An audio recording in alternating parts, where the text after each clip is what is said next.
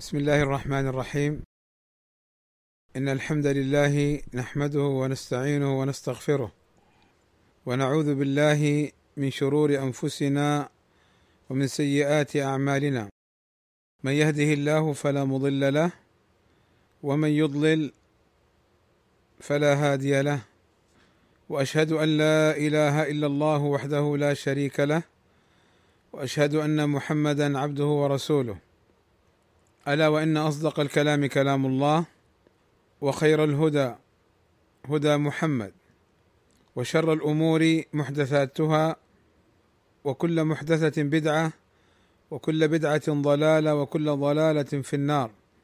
أما بعد فقد توقفنا عند قول الشيخ رحمه الله تعالى القسم. والقسم في القرآن جاء في مواضع عدة. جاء في مواضع عدة.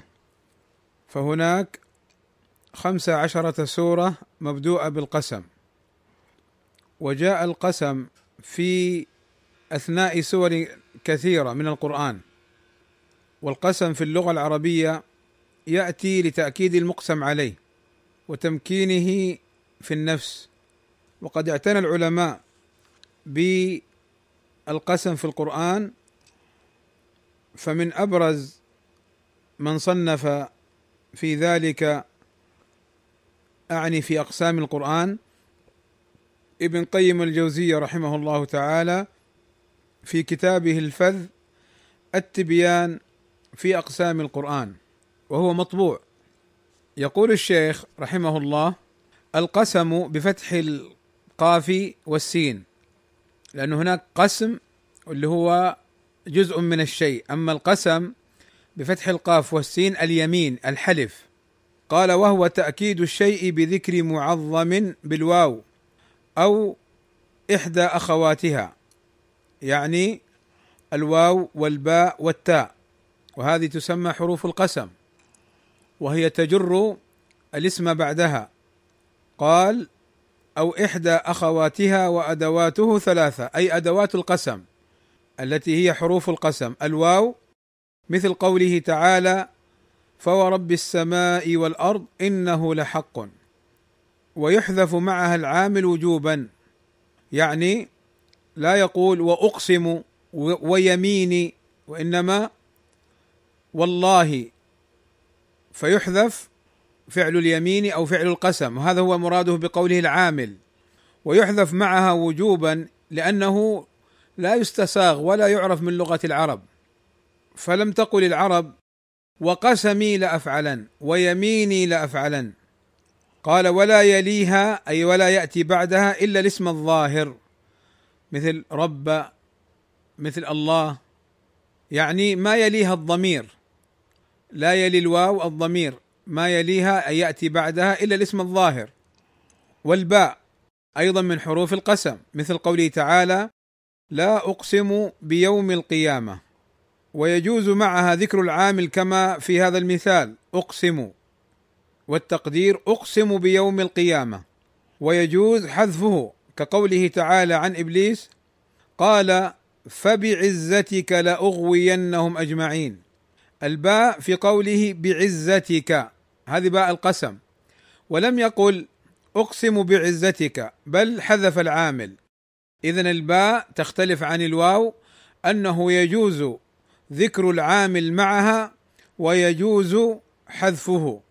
كذلك يجوز في الباء أن يليها أن يأتي بعدها اسم ظاهر كما في المثال السابق بالله وأن يليها ضمير كما في قولك الله ربي وبه أحلف لينصرن المؤمنين. فيجوز أن يأتي بعد الباء الاسم الظاهر ويجوز أن يأتي بعدها الضمير. وإذا عبر العلماء بالجواز مع عدم ترجيح وجه يعني الأولى أن يكون اسم ظاهر الأولى أن يكون القسم مذكور أو غير مذكور. إذا عبروا بالجواز دون التعبير بالترجيح أو بتفضيل صورة دل هذا على استواء الصورتين في الجواز.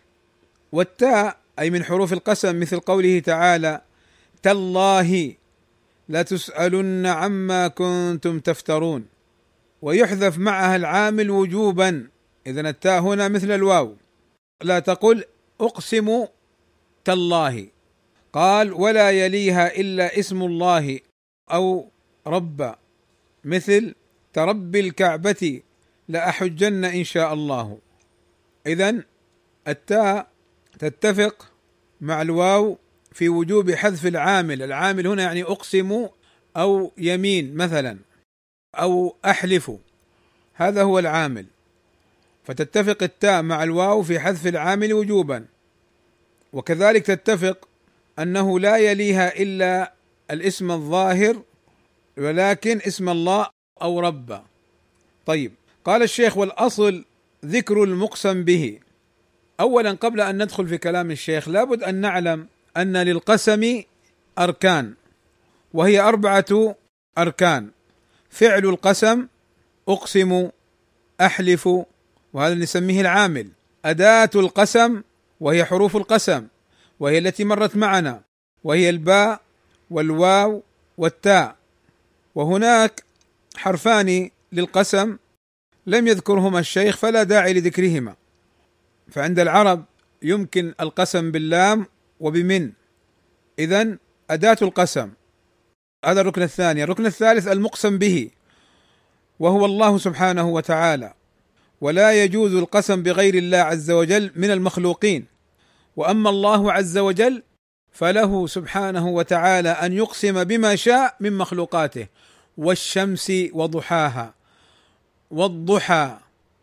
أيضا مثلا والليل إذا يغشى والسماء والطارق والذاريات ذروا ونحو ذلك. فالله يقسم بما شاء. وأما المخلوق فلا يجوز له أن يقسم بغير الله. قال صلى الله عليه وسلم من كان حالفا فليحلف بالله أو ليصمت. وقال صلى الله عليه وسلم من حلف بغير الله فقد أشرك. فلا يجوز أن تقول بالأمانة أو والأمانة. أو وسيد فلان أو والنبي هذا كله من الحلف بغير الله وهو شرك. فإن كان حالفا بغير الله غير معظم له وإنما يجري على لسانه فهذا شرك أصغر. وعليه أن يقول لا إله إلا الله كما جاء في الحديث. وإذا حلف بغير الله معظما له فقد وقع في الشرك الأكبر إن كان يعلم ما هو عليه. ولذلك المسألة خطيرة. ونحن كثير نسمع بعض الناس يقول والنبي وسيدي فلان مثلا والأمانة أمانة أو نحو ذلك. إذا قصد بها القسم أو اليمين فإنه شرك. قال صلى الله عليه وسلم لا تحلفوا بالأمانة. هكذا جاء في الحديث الذي صححه الألباني رحمه الله تعالى. ثم القسم الرابع أو الركن الرابع من القسم اللي هو المقسم عليه أو ويسمى أيضا جواب القسم. جواب القسم. طيب إذا عرفنا هذا فالشيخ رحمه الله تعالى هنا يقول الأصل ذكر المقسم به وهو كثير كما في الأمثلة السابقة. والله فبعزتك من الله بيوم القيامة تالله لتسألن وقد يحذف وحده مثل قولك أحلف عليك لتجتهدن. أحلف عليك لتجتهدن. لم يقل أحلف عليك بالله أو بربي أو بنحو ذلك. قد يحذف المقسم به. وقد يحذف المقسم به مع العامل وهو كثير. مثل قوله تعالى ثم لتسألن. والتقدير بعزتي لتسألن فحذف القسم العامل المقسم به وهو الله وحذف حرف القسم ثم لتسألن من أين علمنا أن هنا قسم؟ من اللام الموطئة لجواب القسم، لام القسم هذه لتسألن. قال: والأصل ذكر المقسم عليه. والأصل ذكر المقسم عليه اللي هو جواب القسم. مثل قوله تعالى: قل بلى وربي لتبعثن. فهنا الواو واو القسم وربي. وربي هذه أداة القسم الواو والمقسم به رب. وجواب القسم لتبعثن. قال وقد يحذف أي المقسم عليه اللي هو جواب القسم. مثل قوله تعالى قاف والقرآن المجيد وتقديره لا يهلكن. قد يحذف المقسم عليه لأنه مفهوم من الكلام وتقديره من نفس الآيات التي تتحدث. فهنا لما ذكر الله عز وجل في سورة قاف ذكر الكافرين وأنهم يهلكون فالتقدير والقرآن لا يهلكن. ونجد في آيات أخرى أن الله يحذف المقسم عليه جواب القسم والتقدير مثلا إن هذا القرآن لحق مثلا. وإن هذا النبي لرسول من الله وهكذا. فتقدير المقسم عليه جواب القسم يكون من نفس الآيات من نفس الآيات سياقها سباقها لحاقها. قال وقد يحذف وجوبا إذا تقدمه أو اكتنفه ما يغني عنه. يعني قد يحذف المقسم عليه وجوبا. إذا تقدمه مثل زيد قائم والله. هنا تقدم المقسم عليه. أي والله زيد قائم. فما يحتاج تقول زيد قائم والله زيد قائم. هذا يعني سمج في الكلام. فيحذف وجوبا بعد القسم. وزيد والله قائم. هنا المقسم عليه قيام زيد. ولكن لما ذكر أنه قائم بعد القسم اكتفى بذلك عن تكراره. زيد والله قائم زيد مثلا. ما يحتاج. فيحذف وجوبا في هذه الحالات. وهم يقولون إنه القسم نوعان. قسم ظاهر وقسم مضمر. فالقسم الظاهر هو ما ذكره الشيخ ابتداء ان القسم الظاهر ما ذكرت فيه الأركان الأربعة. مثاله في القسم وأقسموا بالله جهد أيمانهم لا يبعث الله من يموت. فهنا ذكر القسم وهو العامل أقسموا. والواو هنا ليست واو القسم وإنما واو حسب ما قبلها. والمقسم به وهو الله والأداء وهي الباء وأقسموا بالله. جواب القسم لا يبعث الله من يموت. فهنا ذكرت الأركان الأربعة فهذا يسمى قسم ظاهر. ويدخل في القسم الظاهر إذا حذف العامل نفسه وهو فعل القسم مثل قوله تعالى فورب السماء والأرض إنه لحق مثل ما أنكم تنطقون. وكذا يدخل في القسم الظاهر إذا حذف جواب القسم إذا كان في نفس المقسم به ما يدل على المقسم عليه. وقسم مضمر وهذا النوع الثاني. وهو ما حذف منه فعل القسم وأداته والمقسم به وتدل عليه لام المؤكده للقسم والتي تدخل على جواب القسم. لتبلون في أموالكم وأنفسكم لنسفعا بالناصية. فلم يذكر هنا لا القسم ولا أداته ولا المقسم به. وإنما عرفنا أن هنا قسم بذكر جواب القسم وهو المقسم عليه وهذا يسمى القسم المضمر. الشيخ رحمه الله تعالى يقول وللقسم فائدتان. إحداهما بيان عظمة المقسم به. فالله عز وجل لما يقسم بالسماء ويقسم بالعصر ويقسم بالضحى ويقسم بالذاريات والنازعات وغيرها دل هذا على عظمة المقسم به. ونحن لما نقسم بالله فإننا نعظمه سبحانه وتعالى. الفائدة الثانية أهمية المقسم عليه وإرادة توكيده. ولذا لا يحسن القسم إلا في الأحوال التالية. الأول أن يكون المقسم عليه ذا أهمية. الثانية أن يكون المخاطب مترددا في شأنه. الثالثة أن يكون المخاطب منكرا له. يعني أن المقسم عليه يكون له أهمية. والقسم لا يحسن إلا في الأحوال التالية. الأولى أن يكون المقسم عليه ذا أهمية. لما الإنسان يقول والله ولذلك نحن نحلف كثيرا. فنهانا الله عز وجل أن نجعل الله عرضة لأيماننا أي للحلف وأن نعظم الله عز وجل لأن كثرة الحلف يعني ليست جيدة. فلذلك واحفظوا أيمانكم. ولذلك كثرة الحلف التي تجري على اللسان هي من لغو اليمين يعني غير معتبرة ولا تنعقد. قال أن يكون المخاطب مترددا في شأنه يعني غير مصدق أو شاك فهنا لما تقسم تؤكد له المعنى.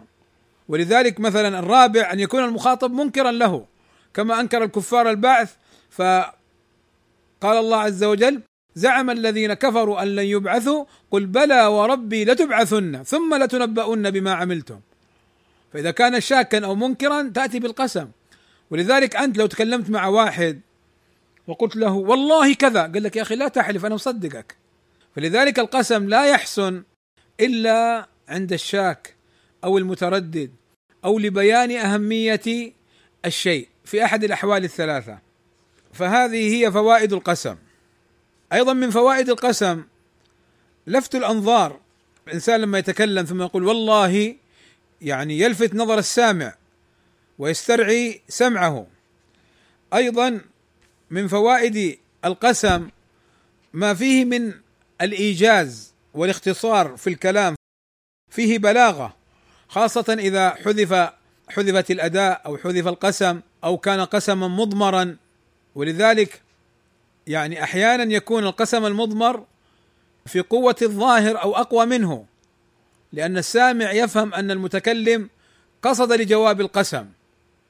كذلك القسم في بدايات السور يعني فيه براعة استهلال والضحى والليل إذا سجى ما ودعك ربك وما قلى. يعني ما قلى أي ما أبغضك.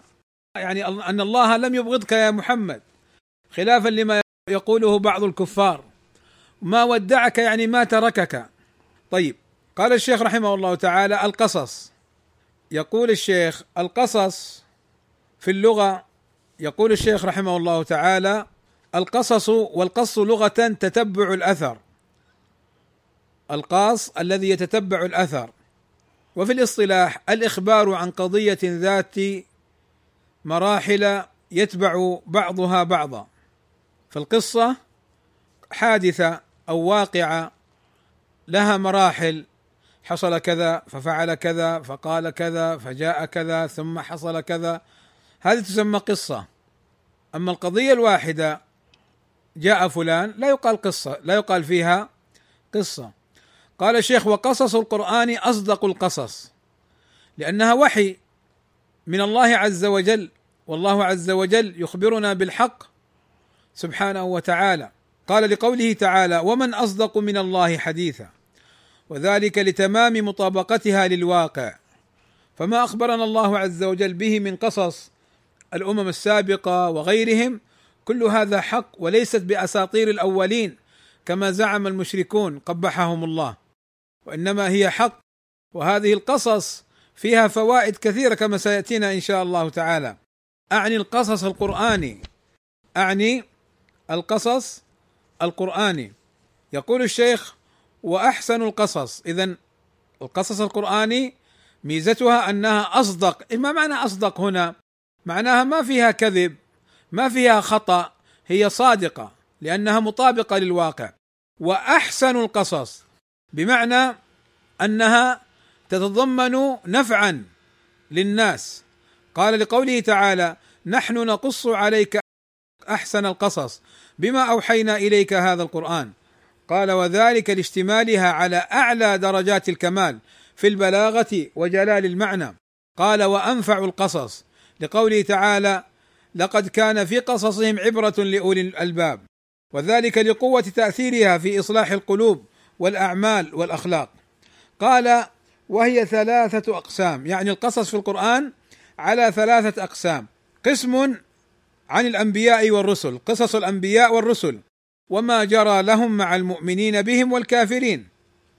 مثل قصة موسى وقصة أيضا نوح وغيرهم من الأنبياء. صلوات ربي وسلامه عليهم. وما حصل لهم ممن آمن معهم أو ممن كذبهم وعاند كفرعون ويعني الذين جابوا الصخر بالواد إلى آخرهم. قال وقسم من القصص القراني عن أفراد وطوائف جرى لهم ما فيه عبرة فنقله الله تعالى عنهم كقصة مريم ولقمان والذي مر على قرية وهي خاوية على عروشها. لما يعني استفهم يعني أن يحيي هذه الله بعد موتها فأماته الله مئة عام ثم بعث إلى آخر القصة. قال وذي القرنين وقارون وأصحاب الكهف وأصحاب الفيل وأصحاب الأخدود وغير ذلك. إذا هذه القصص ليست مع الأنبياء والرسل وإنما حصلت لأفراد وطوائف. وقسم عن حوادث وأقوام في عهد النبي صلى الله عليه وسلم كقصة غزوة بدر وأحد والأحزاب وبني قريظة وبني النضير وزيد بن حارثة وأبي لهب وغير ذلك. فهذا معلوم بالتتبع لأنواع القصص في القرآن إما قصص الأنبياء مع من آمن منهم ومع من كذب بهم وإما قصص لأقوام آخرين أفراد أو جماعات كقصة أصحاب الجنة وقصة في كما في سورة نون والقلم وقصة أيضا يعني أصحاب الفيل ومريم وقصة أيضا لقمان مع ابنه إلى آخره. ثم القصص الذي حصلت في عهد النبي صلى الله عليه وسلم فلا تخرج القصة في القرآن عن هذا. طيب فوائد القصص.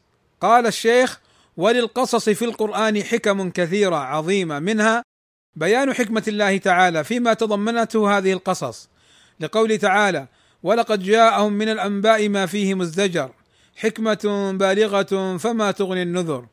ولقد جاءهم من الأنباء أي من الأخبار والقصص ما فيه مزدجر أي ما فيه عظة لهم وزاجر لهم عن الكفر أو الإعراض أو التكذيب. الثاني بيان عدله تعالى بعقوبة المكذبين لقوله تعالى عن المكذبين وما ظلمناهم ولكن ظلموا أنفسهم. فما أغنت عنهم آلهتهم التي يدعون من دون الله من شيء لما جاء أمر ربك. الثالث بيان فضله تعالى بمثوبة المؤمنين لقوله تعالى إلا آل لوط نجيناهم بسحر نعمة من عندنا كذلك نجزي من شكر. فأخبرنا الله عز وجل أنه أنجى من آمن من آل لوط. إلا إلا امرأته كانت من الغابرين. ثم أيضا من فوائد ذلك تسلية النبي صلى الله عليه وسلم عما أصابه من المكذبين له لقوله تعالى وإن يكذبوك فقد كذب الذين من قبلهم جاءتهم رسلهم بالبينات وبالزبر وبالكتاب المنير ثم أخذت الذين كفروا فكيف كان نكير؟ فلما كذب كفار مكة وغيرهم النبي صلى الله عليه وسلم أخبره سبحانه وتعالى أن إخوانه من الأنبياء والرسل جاءوا أيضا بالبينات وجاءوا بالآيات ومع ذلك كذبوا ثم انتقم الله من المكذبين ونصرهم.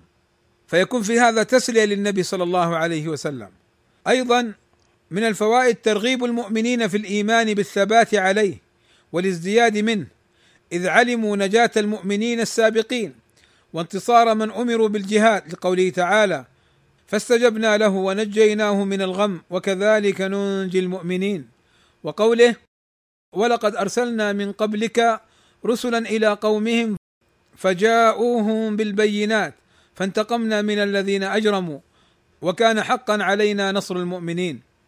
اذا هذه الآيات فيها الترغيب للمؤمنين في الإيمان بأنهم إذا آمنوا وثبتوا على الحق فإن ذلك رفعة لهم. ويأتيهم النصر من الله عز وجل وأن الكافرين سينتقم الله عز وجل منهم. أيضا من فوائد القصص تحذير الكافرين من الاستمرار في كفرهم لقوله تعالى أفلم يسيروا في الأرض فينظروا كيف كان عاقبة الذين من قبلهم دمر الله عليهم وللكافرين أمثالها. ولذلك إخواني بارك الله فيكم هنا تنبيه لعامة المسلمين أنه إذا حصل من الكافرين في بلادهم إيذاء للمؤمنين أو إيذاء لبعض يعني الأمور الدينية على عامة المسلمين أن يكونوا تبع لولاة أمرهم وأن يصبروا وأن ينظروا ما يتخذه ولاة الأمر من إجراء في المسألة وأن تقدر المصالح والمفاسد فليس لاحد الناس أن يتدخل في هذه الأمور لماذا؟ لأن الله اولا جعل علينا أمراء هم مسؤولون عن ذلك. فهم الذين لهم المرجع في هذه المسائل. ثانيا أن الله عز وجل أخبرنا أنه يملي للكافرين ثم يأخذهم وينتقم منهم. الله عز وجل لا يعجزه شيء في الأرض ولا في السماء. فأنت حينما تفعل شيئا تؤذي نفسك أو تؤذي المؤمنين أو تؤذي دين الله عز وجل بالإساءة إليه أو تؤذي نبي الله صلى الله عليه وسلم بنسبة شيء هو بريء منه.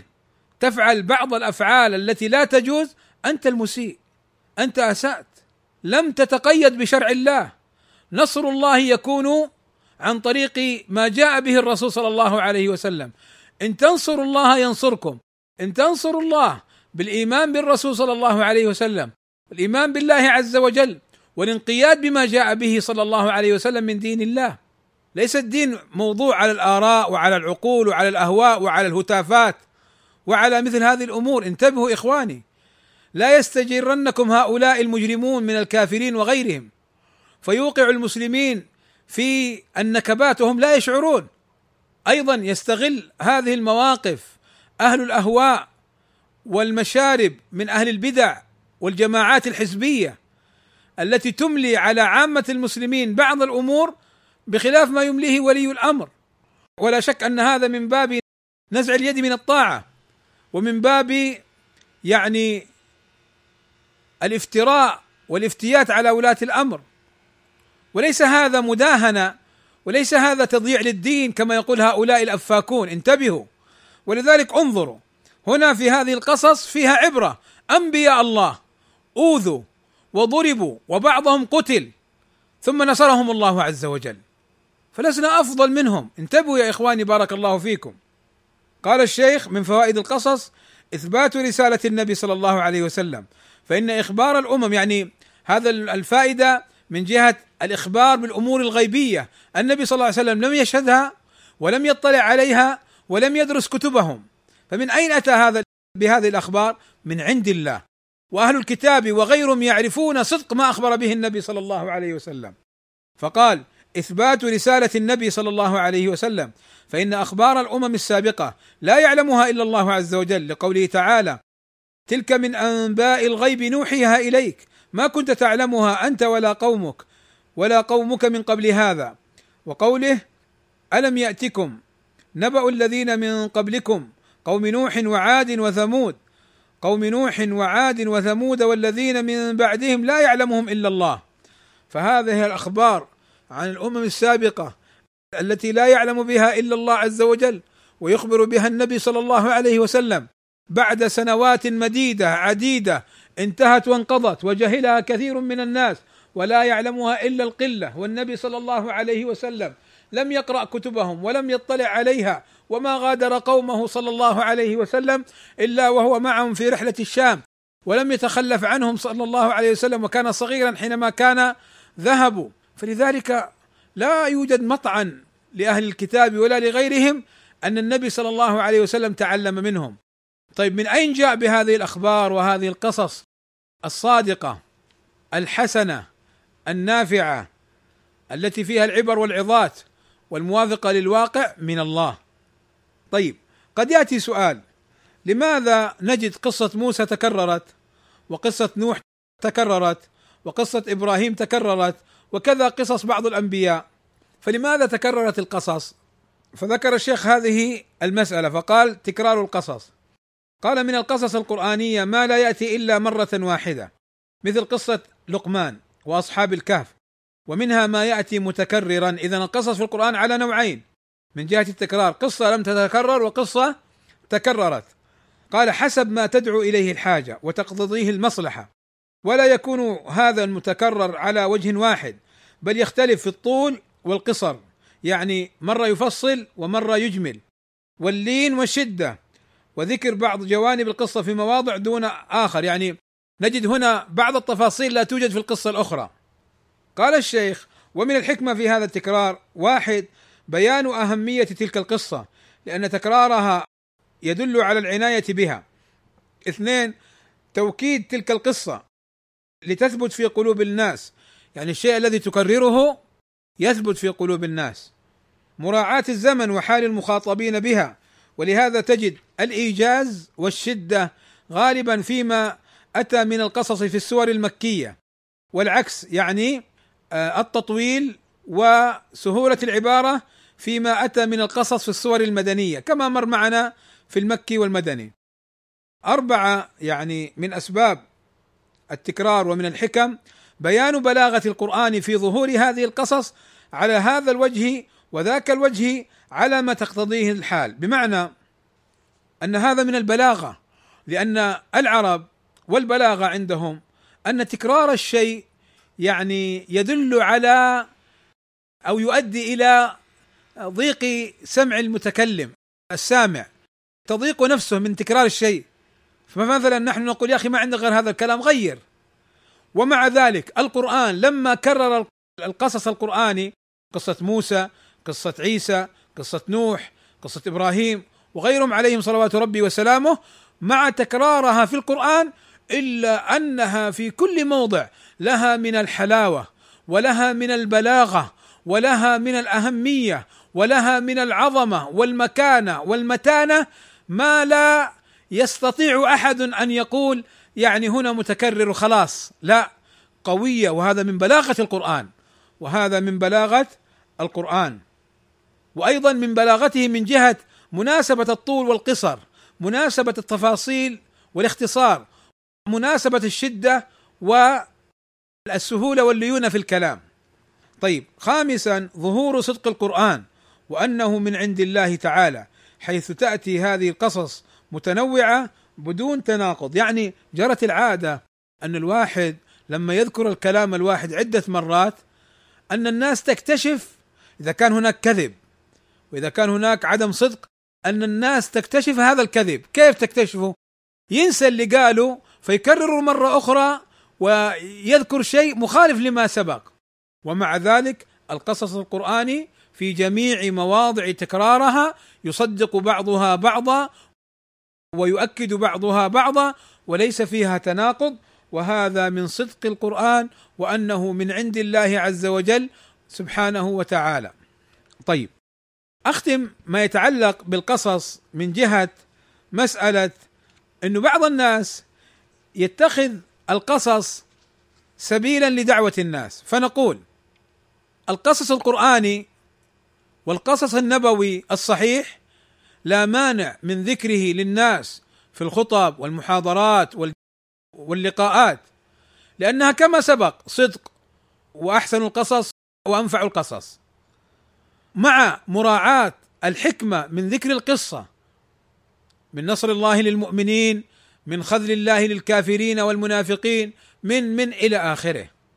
ولكن قصص الناس والحكاوي والأمور هذه فتجد محاضرة فلان ذهب ثم فعل ثم طلع ثم سافر ثم انقلبت السيارة ثم الله يقلب راس شيطانك.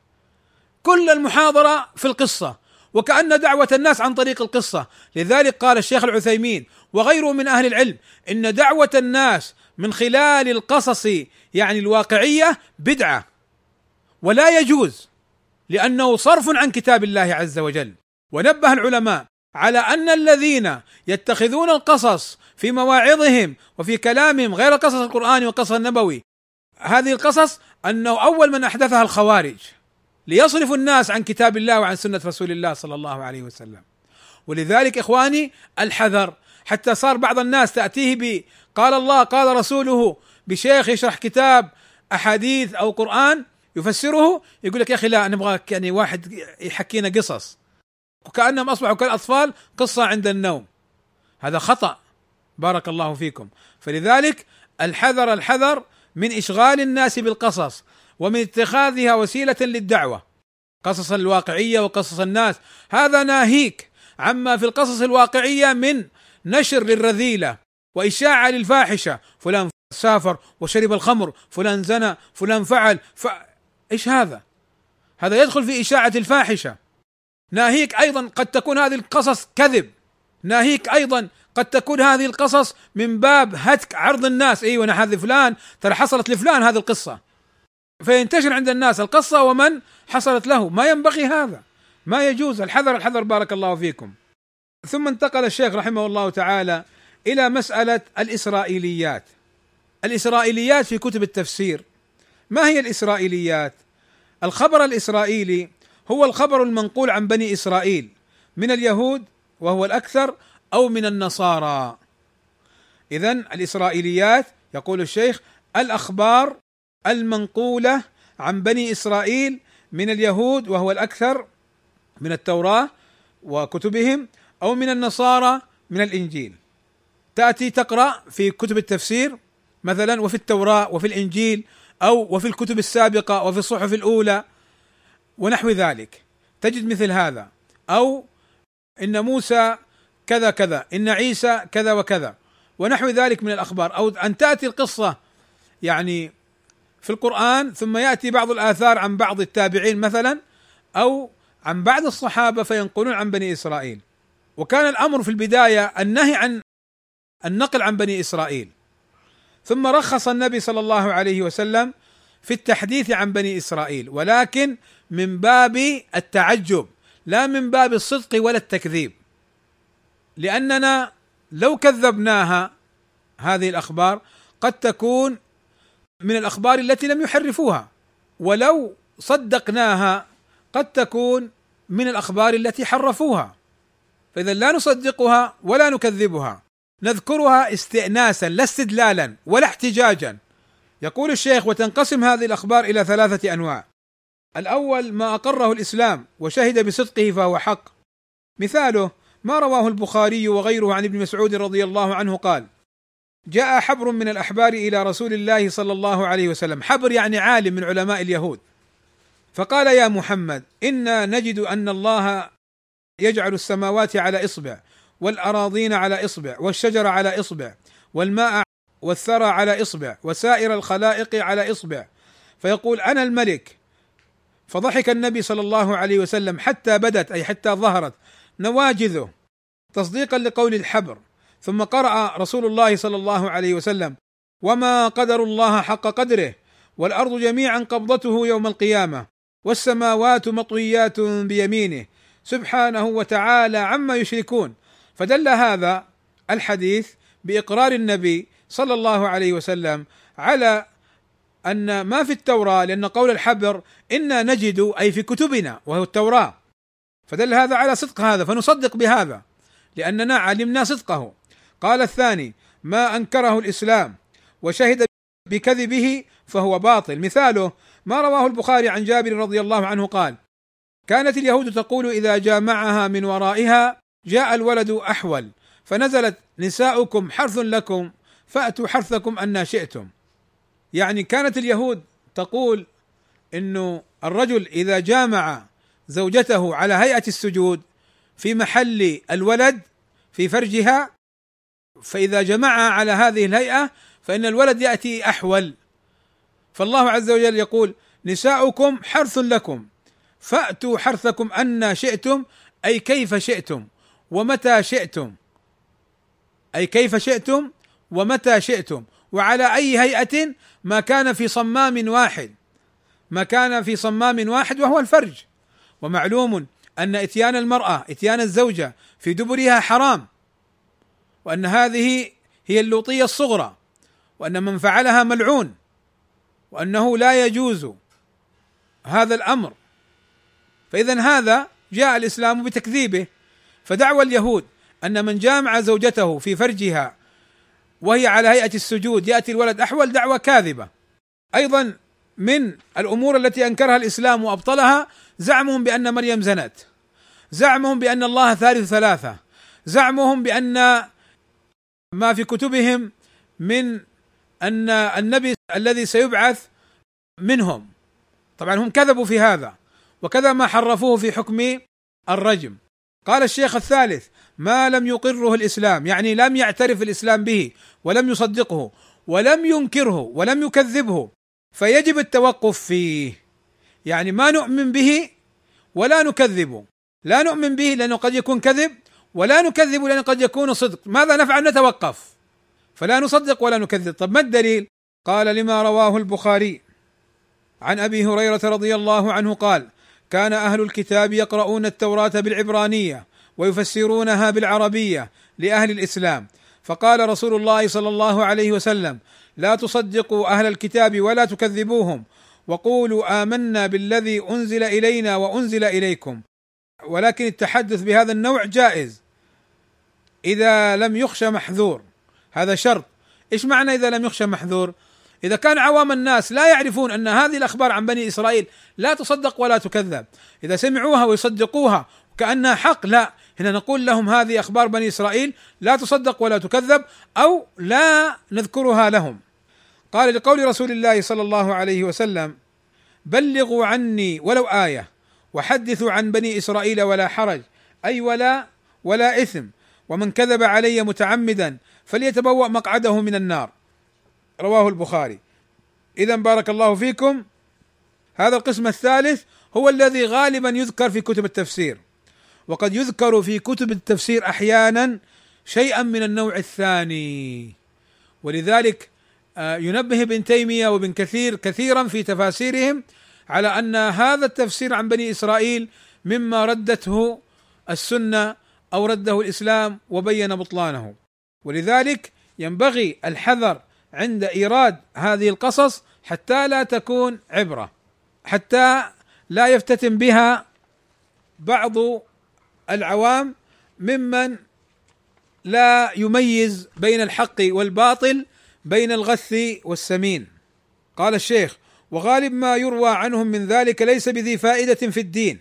يعني الأخبار عن بني إسرائيل ما في فائدة في الدين.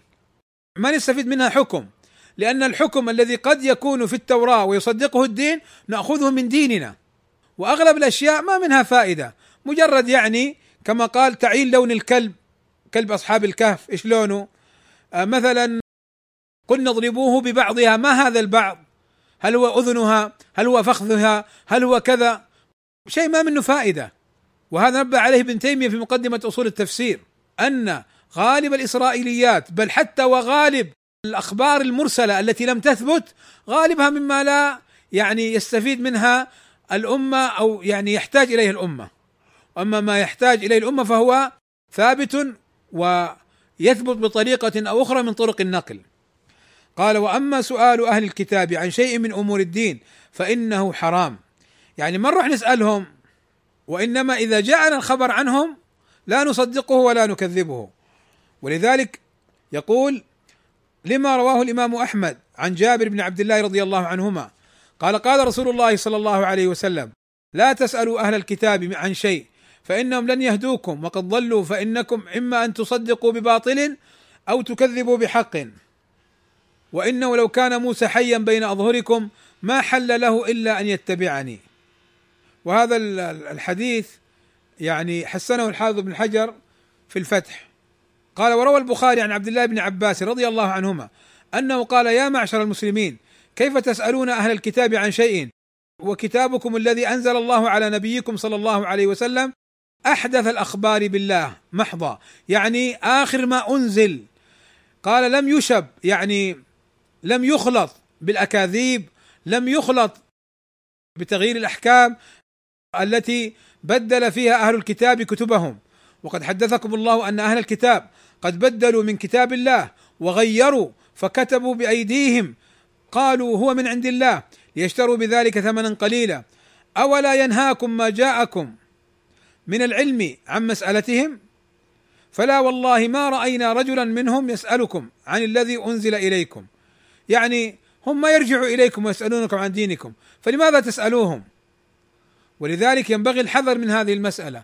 فنحن لا نصدقهم ولا نكذبهم فيما أخبرونا ولكن أن نذهب ونقول حدثونا وأخبرونا وماذا عندكم في كذا هذا لا يجوز كما قال الشيخ رحمه الله تعالى. ثم بين الشيخ رحمه الله تعالى مسألة وهي موقف العلماء من الإسرائيليات. هو ذكر أن الإسرائيليات ثلاثة أنواع. النوع الأول ما جاء في الدين بتصديقه وإقراره والثاني ما جاء في الدين تكذيبه وبيان بطلانه والثالث ما لم يأتي في الدين لا بطلانه ولا بيان صدقه. فما الموقف من هذه الثلاثة؟ يقول الشيخ اختلفت مواقف العلماء ولا سيما المفسرون من هذه الاسرائيليات على ثلاثة أنحاء. طبعا إذا كانت الإسرائيليات جاء تصديقها في القرآن والسنة فنحن نصدق بها. إذا كانت الأخبار عن بني إسرائيل جاء في ديننا في الكتاب في السنة ما يدل على صدقها أو قال الصحابي إن هذا حق شهد بذلك أي أخذه عن النبي صلى الله عليه وسلم فإننا نصدقه.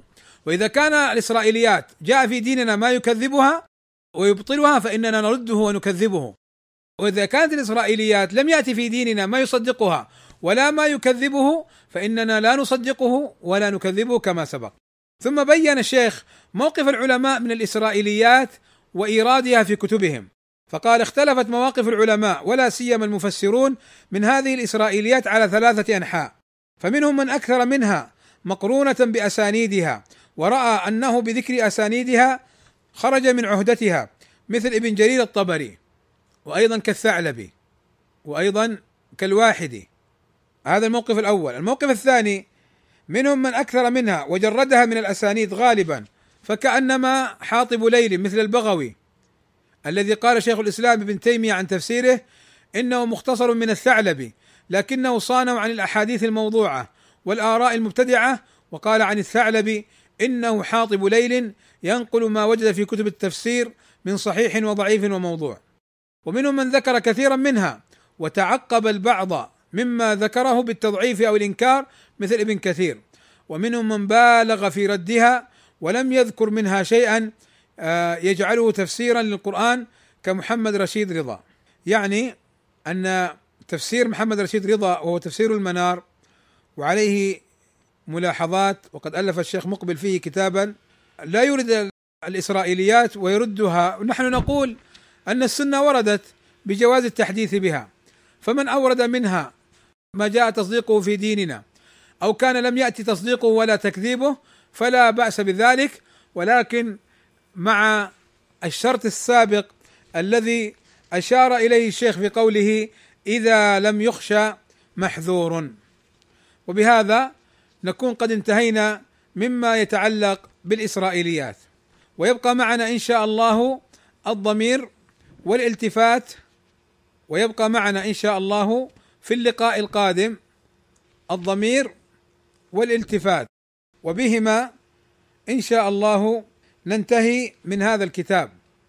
ولعلي إن شاء الله أجعل اللقاء قريبا في الأيام المقبلة وسيعلن عنه لأني قد أكون آه، مشغولا في السبت القادم فإن شاء الله سيتم الإعلان عن موعد قريب لآخر لقاء يتعلق بكتاب أصول في التفسير. وإني بهذه المناسبة أرحب آه، بالشيخ الأستاذ الدكتور عبد المجيد جمعة حفظه الله تعالى وأشكره على مشاركته في التدريس في معهد الميراث النبوي في درسين فجزاه الله خيرا وجعل ذلك في ميزان حسناته.